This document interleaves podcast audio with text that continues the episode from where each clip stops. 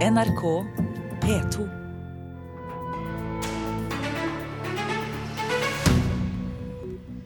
Det lønner seg å finne navnet på de nye fylkene først, ellers blir det krangling, mener Språkrådet. Mediekrisen gjør at stadig flere journalister med fast jobb søker pengestøtte utenfor avisen.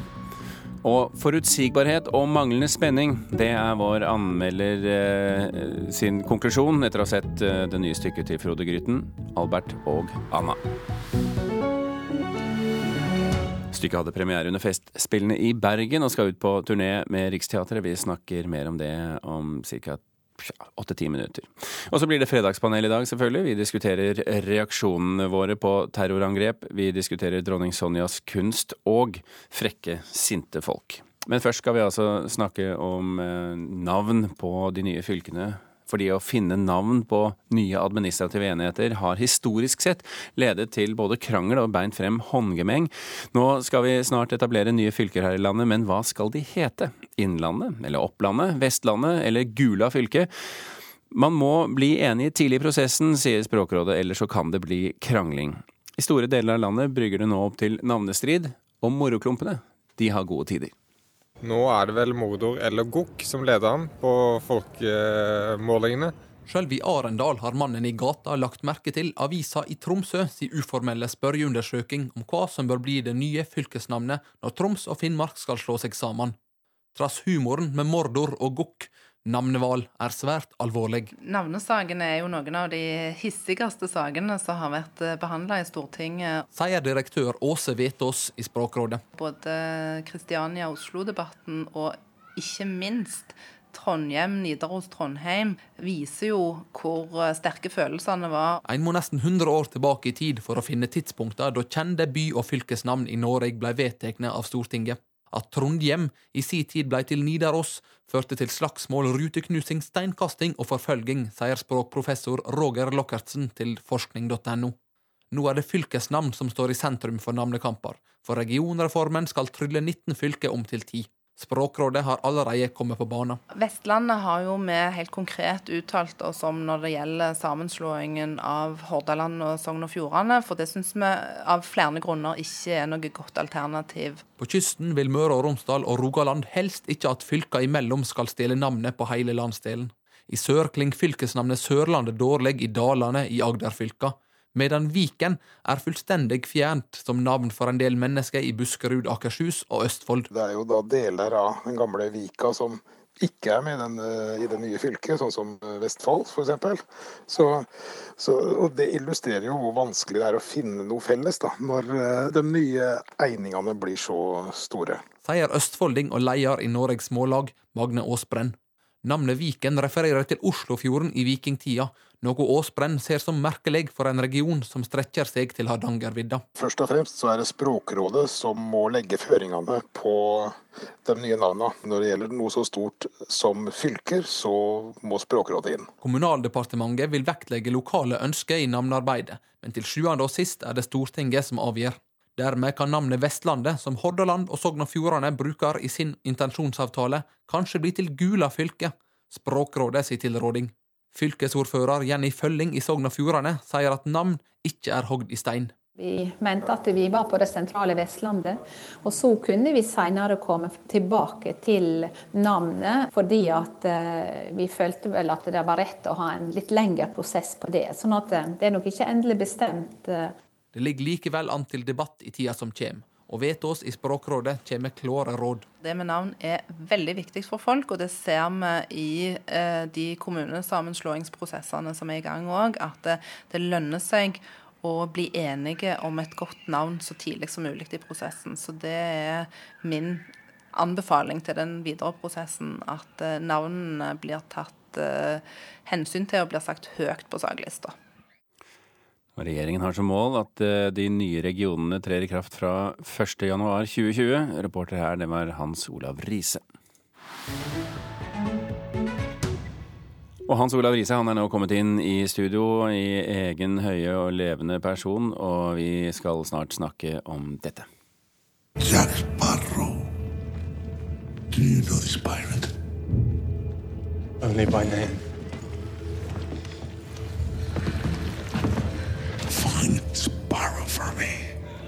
And relay a message from Capitan Salazar and tell him death will go straight for him. Would you say that to him? Dette er storfilmen Pirates of the Caribbean, Dead Men Tell No Tales. Espen Sandberg og Joakim Rønning er regissører her. Hans Olav, ehm, ikke så veldig hyggelig lesning i New York Times i dag. Nei, det er filmkritikeren eh, Anthony Oliver Scott som virkelig eh, ikke liker den eh, femte Pirates-filmen. I en fersk anmeldelsen som er først omtalt av VG her til lands, skriver han at filmen knapt kan kalles en film. Han skriver også at selv om noen betalte deg for å se filmen, så ville det vært svindel. Litt, litt avhengig av hvor mye man betalte, antagelig. Men hva er det han ikke liker, da? Nei, alt. Han, mener filmen er for lang. Han mener Johnny Depp er som en, en kjip, gammel rockestjerne som spiller gamle hits, og at uh, bilder i filmen er så mørke og gjørmete at du ikke kan uh, se hva som skjer. Ok. I, i, relativt eh, klar, og kanskje ikke så eh, veldig nyansert. Vi skal snakke om noe annet som er nyansne, eh, mer nyansert. I hvert fall mer nyansert enn man skulle tro. Og da snakker vi om norsk mediedekning av islam og muslimer. Hva er det du har lest i avisen i dag? Nei, det er et eh, debattinnlegg i Aftenposten i dag, eh, signert eh, Kristina Nilsen og Ane Katrine Strand, begge fra eh, medieselskapet og analyseselskapet Retriever. Aftenposten eller Dagens Næringsliv? Eh, Det var i Aftenposten. Ja, fint. Eh, De mener altså at kritikk mot norske medier eh, for et unyansert mediebilde når det kommer til islam og muslimer, er feil. Bakgrunnen for innlegget der er en medieanalyse eh, fra Retriever på oppdrag fra Fritt Ord, der de har funnet at norsk presse så å si aldri setter likhetstegn mellom muslimer og terror. Eh, I tillegg har de veldig mange ulike syn fra muslimske miljø. Og det også, kommer også fram at den mest spissa delen av dekninga av islam og muslimer i media kommer via leserinnlegg. Ja, så det gjelder bare å lese nøye og mye, så kommer nyansene frem. Hans Olav eh, Riise, takk skal du ha.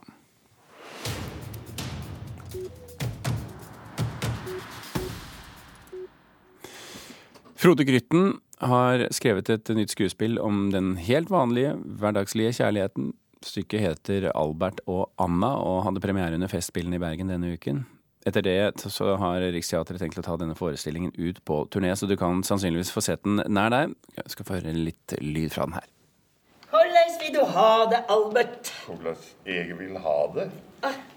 Nei men Nå er det tid for Kan du klippe meg, da? Ja, det er tid for en klipp nå. Vårklippen. Skulle du ikke hente ei jakke, egentlig? Jakka har du jo på deg. Altså, du rota sånn at det... Rotar jeg Ja, ja, ja, Rotar jeg, det er eh, den Må vi nesten tippe Karen Frøsland Ystøl, kritiker i NRK, at det er Albert da, som roter, og Anna som eh, beskylder ham for det her. Det er faktisk eh, motsatt, sånn som det egentlig er. For eh, Albert og Anna de møttes eh, da han kløpte håret sitt hos henne, så den scenen får vi speile igjen her. Og nå er det hun som etter hvert forsvinner for han og, og blir dement. Og det er det denne forestillinga handler om. De sitt lange liv sammen, som da ender opp med at han mister hun mer og mer og må ta grep om den tilværelsen. Og så hørte vi noe trekkspilltango i her. Ja, vi hørte Espen Leite, som står på scenen så å si hele, gjennom hele forestillinga. Det er han som har komponert musikken til dette stykket. Hva syns du om Frode Gryttens nye stykke? Jeg syns egentlig Jeg syns det er mye fint i den historien om den livslange kjærligheten. Men sånn som jeg ser det på scenen, så syns jeg faktisk det er ganske lite spennende. Og tematisk så er det ganske forutsigbart. Og det skal jo på ikke noen måte være krim, dette her. Altså når man vet det kommer en historie om den lange kjærligheten, så er det mye som skal bekreftes og anerkjennes. Og det, det skjer her. Men jeg syns at dette eldre ekteparet, som er spilt av Kari Simonsen og Sverre Bentsen, de får litt liten plass. Blant annet fordi musikeren står på scenen hele veien og nesten overdøver de noen gang med sitt spill. Jeg ønsker at de kunne ha løfta den tosomheten mer fram. Og etter hvert så kommer den unge Albert og den unge Anna inn, og vi ser tilbakeblikk på deres, deres liv i lag. Og jeg syns heller ikke dynamikken alltid eh, står så godt Det passer ikke så godt sammen. Det, det, det, det stryker historier med hårene en del av virkemiddelvalgene, istedenfor å gi litt motstand. Det trengs litt motstand av og til. Men, men jeg hører tematikken i stykket, eh, og, og hører disse, at det er disse to skuespillerne, som, Ka- altså Kari Simonsen og Berntsen, som spiller dem. Så tenker jeg at det er jo lykkelige valg for en teaterregissør å ha sånne erfarne skuespillere til dette. Ja, det er lykkelige valg, og de gjør veldig gode roller. De gjør et veldig fint ektepar. Så det er det som er rundt, som jeg syns eh, skaper litt eh, uroligheter for den historien som egentlig er veldig fin, og som teatret så gjerne skal, skal fortelle. Men det må jeg si, det er jo kjempefint. Hele scenen er en hage, og der står de og raker løv i takt, og så snurrer de rundt og gir hverandre et kyss her og der. og det er mye som er fint og idyllisk, og, og mye godt som sies om det å leve et langt liv sammen.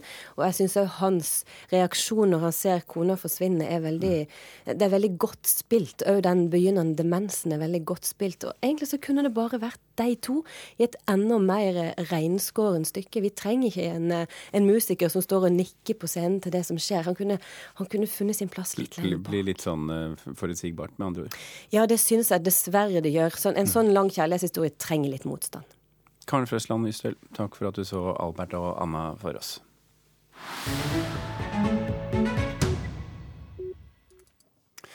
Mediekrisen gjør at stadig flere journalister i avisene må ha pengestøtte utenfra for å få til store og viktige prosjekter. I Stavanger Aftenblad har to journalister reist verden rundt for å skrive om ytringsfrihet, med 200 000 kroner i støtte fra stiftelsen Fritt Ord.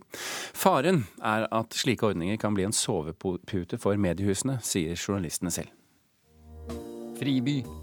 En podkast i fem deler fra Stavanger Aftenblad. I morgen starter en stor reportasjeserie i Stavanger Aftenblad med egen podkast. Ja vel, Finn. Da sitter vi på Gardermoen. Vi skal snart gå om bord på et fly til Reykjavik på Island.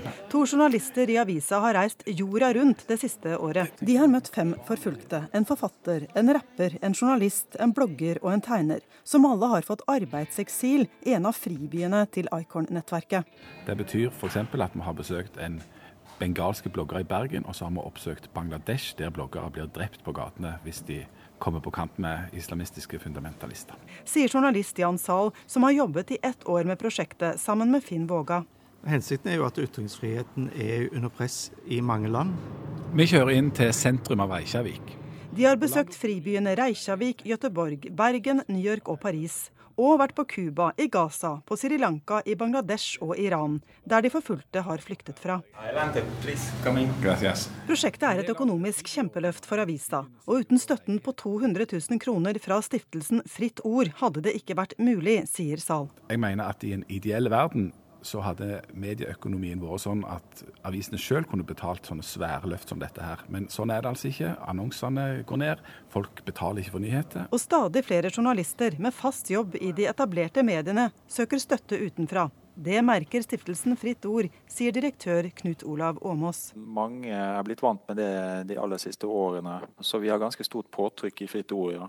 Fritt Ord gir årlig 15-18 millioner kroner til ren journalistikk, men det finnes få slike ordninger.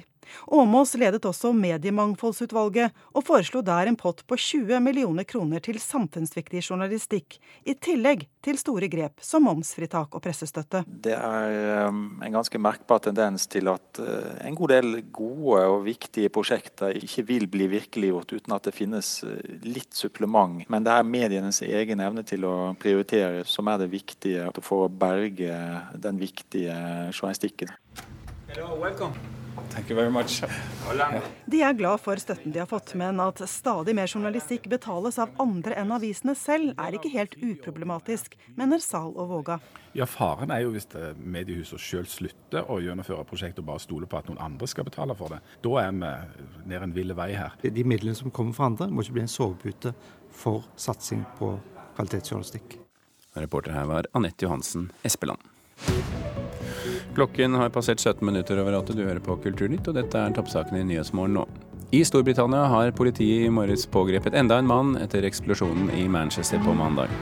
Det blir mer likestilling i næringslivet når eierne krever det. Det er over dobbelt så mange kvinnelige toppledere i statseide selskaper som i andre selskap. At Nato blir med i koalisjonen mot IS kan øke konflikten mellom den muslimske verden og Vesten, mener SV-politiker. Da har vi fått vaglet vårt fredagspanel. Med oss eh, fra Bergen er Hilde Sandberg, leder for nettstedet Broen XYZ. Her i studio hos meg, eh, journalist i NRK P3 Ragnar Nordenborg. Og fotograf CF Wesenberg. Velkommen alle sammen. Hei. Hallo. Du får bare rekke opp hånda, Hilde. Du er eh, vant til å være i, i Bergen mens resten foregår her, så Jeg hørte du hadde omdefinert navnet mitt til Sandberg. Det høres jo Det var jo et veldig fint Ja, det var jo fint. Du heter riktignok Sandvik, men eh, kan vi ikke bare si Sandberg, Sandberg for i dag? Jo, jo, det høres eh, helt Ja. greit ut. Ok, vi går på spørsmål nummer én. Eh, også etter terrorangrepet mot Ariana Grande-konserten i Manchester denne uken, så sier vi eh, alle, enten som en besvergelse eller som en trøst, det er viktig å leve som før, gå på konsert, selv om terroren nok en gang rammer oss. Spørsmålet vårt er, er det egentlig mulig å ikke la seg påvirke når noe slikt skjer, Sandvik? Nei. Og jeg er enig her. Nei. Nei. Nei. Eh, Hilde, hva er grunnen til at vi ikke klarer det?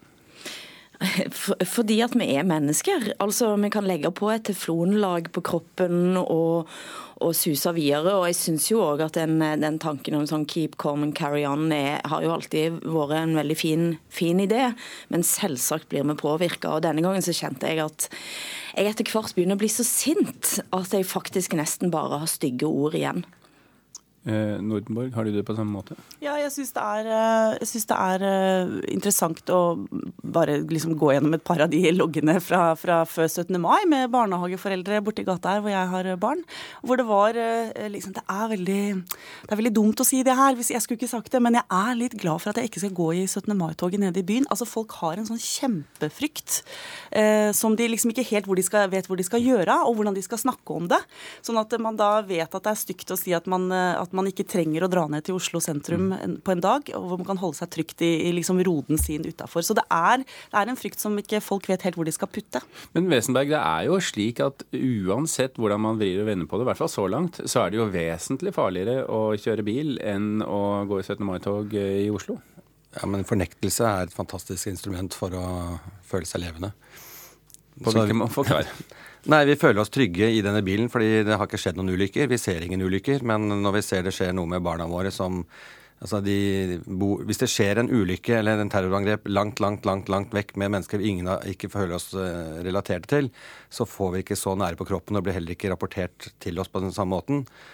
Eh, Men her vet vi at, eh, som du snakker om 17. mai, vi vil jo ikke at noe sånt skal skje med våre barn. Og så skjer det noe med barn som er veldig like våre egne barn, veldig nært oss, og da blir vi påvirket. Men hvorfor blir vi så redde for, ting, for, for dette når det er andre ting vi, vi burde vært mye mer redde for? Men er det ikke bare én ny ting på lista vi er dødsredde for? Altså, vi er jo fortsatt, jeg er fortsatt eh, nervøs for eh, farlig bilkjøring. Jeg, altså. Det er bare én ting til som er enda mer um, truende og overveldende. Uh, fordi den, eh, den, eh, den er så massiv når det først skjer. Men Sandvik, er det da, er vi, ender vi da opp med at dette, at vi sier at vi skal ikke la oss påvirke, vi skal ut i gatene.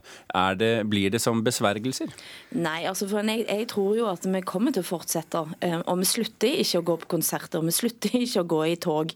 Eh, Men den lille tingling i bakhovet som sier nå, nå, nå må du kanskje se deg litt, litt mer om, den, kommer, den er der. Og det er en virkelighet som vi kommer til å leve i. Uansett om vi vil eller ikke. For at ingen av oss kommer til å på et eller annet vis gå helt fri. Eh, og det kommer til å skje terror igjen.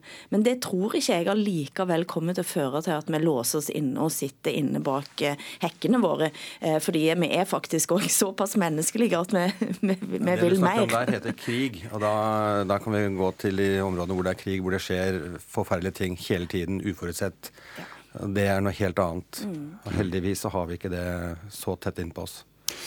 Vi eh, bytter tema her i Fredagspanelet. Eh, du, ikke krig, men en viss konflikt må vi kunne si at det var eh, etter at dronningen eh, eh, stilte ut i Bergen.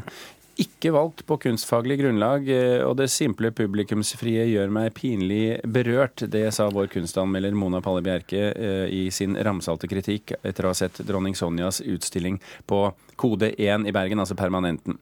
På Twitter suste jo debatten etter dette. Blant annet ble det hevdet at Bjerkes anmeldelse var et oppgulp fra kultureliten, og vi spør panelet videre. Har de rett, Wesenberg?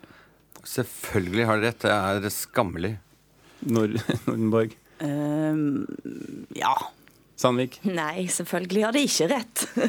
du begynner, uh, Wesenberg. Jeg syns det er uh, skammelig å høre mennesker omtale et annet medmenneske som tilfeldigvis er vår dronning på den måten, uten kanskje å si det rett til henne. Dette er uh, det er En kunstkritiker blir kunstkritiker fordi de kanskje ikke kan lage kunst selv, men de er glad i kunst, men de er også glad i å kritisere. Og når du får muligheten til å ta Eh, den øverste stjernen vi har, et så kjent menneske som, som, dronningen, så løper de i flokk som små praia, og så jafser de i seg det de kan, og så blir det et sånt hylekor som vi som på sidelinjen sitter og bare lurer på hva i himmels navn er det som skjer her. Det er direkte lite medmenneskelig å, å oppføre seg slik. Jeg syns fy søren. Hold kjeft. Sandvik. Nei, altså, Kanskje dette bare beskrev hvorfor, hvorfor ikke dette burde ha vært en sak i utgangspunktet. Jeg, jeg har vært og sett, sett utstillingen nå. Eh, før, før, jeg kom her. Eh, og dette, Det at dronningen skulle stille ut på kode, tenker jeg i utgangspunktet var dårlig tenkt. Og jeg tenker òg at eh, Slottet kunne ha tenkt at det ikke var en god idé. Eh, og Det handler ikke om den jobben eh, dronningen har gjort for kunstlivet, som har vært stor, men rett og slett fordi det er et format som ikke kler, og heller ikke rommet kler denne kunsten. fordi dette rommet her er jo faktisk et rom som er skapt for Kinasamlingen, som er, ja, som er skulpturell, og som har noen helt andre Det er ikke, vegg, det er ikke bilder på en vegg. Eh, så det er litt, sånn, det er litt ulykksalig at, at dette var det som kode 1 skulle åpne med. Men hvorfor gjorde de det da? Nei, altså det kan jo Det skal ikke jeg altså det, jeg, Jo, du kan jeg, spekulere litt. Det er Fredagspanelet. Jeg, jeg, jeg, ser jo hva, hva, som er sagt, og noe av det som er sagt, er at det, det trekker da inn et nytt publikum. Og Det kan så være. Men der igjen er problemet at hvis det er det som er utgangspunktet skal trekke inn nytt publikum, så er det heller ikke så mye mer å se akkurat på Kode 1 nå for tiden. For det bygget er faktisk heller ikke helt ferdig. Eh, det er ikke ferdig tilbakeført, og det er masse som mangler. Vi får jo kjent, du får jo masse oppmerksomhet rundt Kode 1 og Du får masse oppmerksomhet ja. rundt dronningens kunst. Og den er, altså, den er, den er verken veldig god eller, verken, eller veldig dårlig. Den er, som mange som Arve Rød bl.a. skriver, helt midt på treet. Her, her, folkens, her må vi slippe til Ragnhild liksom som det, er, det, er, litt det samme som om Hvem er den morsomste politikeren i Norge? Jeg syns i hvert fall KrF-leder eh, Hareide er ganske gøyal. Ofte morsomme sluttpoenger. Men det er liksom å putte han da på eh, en stor standup-festival for å få litt blest. Eh, og hvordan ville han klart seg? Han ville sikkert klart seg sånn passe bra. Men jeg tenker at det er ikke noe galt i å gjøre det. Man kan bare gjøre det. Men det er klart det vil jo gå muligens utover profilen til Kode. Men, eh, men det å på en måte bruke dronninga i hennes bursdagsår, og det å liksom vise fram egentlig et menneske menneske, som jeg opplever at denne utstillingen er. Eh, det er nesten et portrett av henne. Det, det tenker jeg er helt greit. Men spesielt sånn kunstfaglig interessant virker det jo dessverre ikke som det er, da. Men, men, men Wesenberg, la meg bare stille deg et spørsmål, Wesenberg. Ligger det ikke i, litt i sakens natur, kritikerens natur, at vedkommende skal ta en, en kunstfaglig vurdering? For det er jo det som er gjort her. Ja, det, det, må du jo selvfølgelig få lov til å gjøre. Men jeg tenker når det kommer til, til dronningen som får den muligheten til å representere Norge som hun gjør. Hun har ikke valgt det selv der heller. Uh, hun har nå altså, Kunne takka nei. Kunne takket nei, jo, det kunne hun. Mm. Og, det, og, det, er jo selvsagt at for, for, uh, for uansett kan, kan, kunstneren kunne være å få stille ut uh, på kode og det er nyåpning, så er jo det en selvsagt en veldig stor Det kan jo være en stor begivenhet. men det er først og fremst det er det faktisk ikke så Det er dårlig tenkt vi, fra alle vi, ledd her. Vi hopper videre til et annet spørsmål som kanskje kan vurderes som, som dårlig tenkt væremåte. Sosiale medier gjør oss nemlig frekkere. Det sa sosiolog Aksel Tjora ved NTNU til oss denne uken. Bussjåfører f.eks. de opplever å bli sjikanert på det groveste av illsinte passasjerer. Twitter ut i virkeligheten, liksom. Kommentarer og ufin språkbruk på sosiale medier kan føre til at vi blir mer uforskammet også i dagliglivet, sa han. Spørsmålet vårt er Vi kan begynne med deg, Nordenborg. Er det sånn for deg også? Nei. Wesenberg? Jeg skulle ønske det, men jeg er ikke for gammel. Sandvik? Skal jeg svare ja i dag? gjør hva du vil. Jeg tror jeg ble født som en Twitter-konto. Ja, du gjorde det. OK, Nordenborg. Nei, altså det er noe med jeg, jeg har ikke merket at jeg har gått over i en eh, apropos som Hilde sier, en sånn one-liner-fabrikk. Det er jeg ikke blitt, selv om jeg, jeg bruker mye sosiale medier. Eh, og jeg opplever vel egentlig ikke at folk eh, er så veldig mye frekkere. Jeg var ute og gikk i skauen, og da har jeg en sønn som er veldig redd for hunder. Og da sa jeg kunne du tatt hunden din i bånd? Og da var det ta ungen din i bånd sjæl. Den syns jeg var ganske god. Men det, det var fra en jente som var en 16-17, så det er mulig at de har liksom fått skjerpa tilsvaret. Der ser du det. Ve- Wesenberg. Nei, Jeg vet ikke hva jeg skal si. Det er, eh, vi, vi lærer eh, av hverandre, og jo mer vi kommuniserer, jo mer kommuniserer vi, tenker jeg. Vi, det, er det ene, det er den ene ballen tar den andre. Hvis, eh, så, så, Dette er litt gåtefullt, du. Det du sier nå.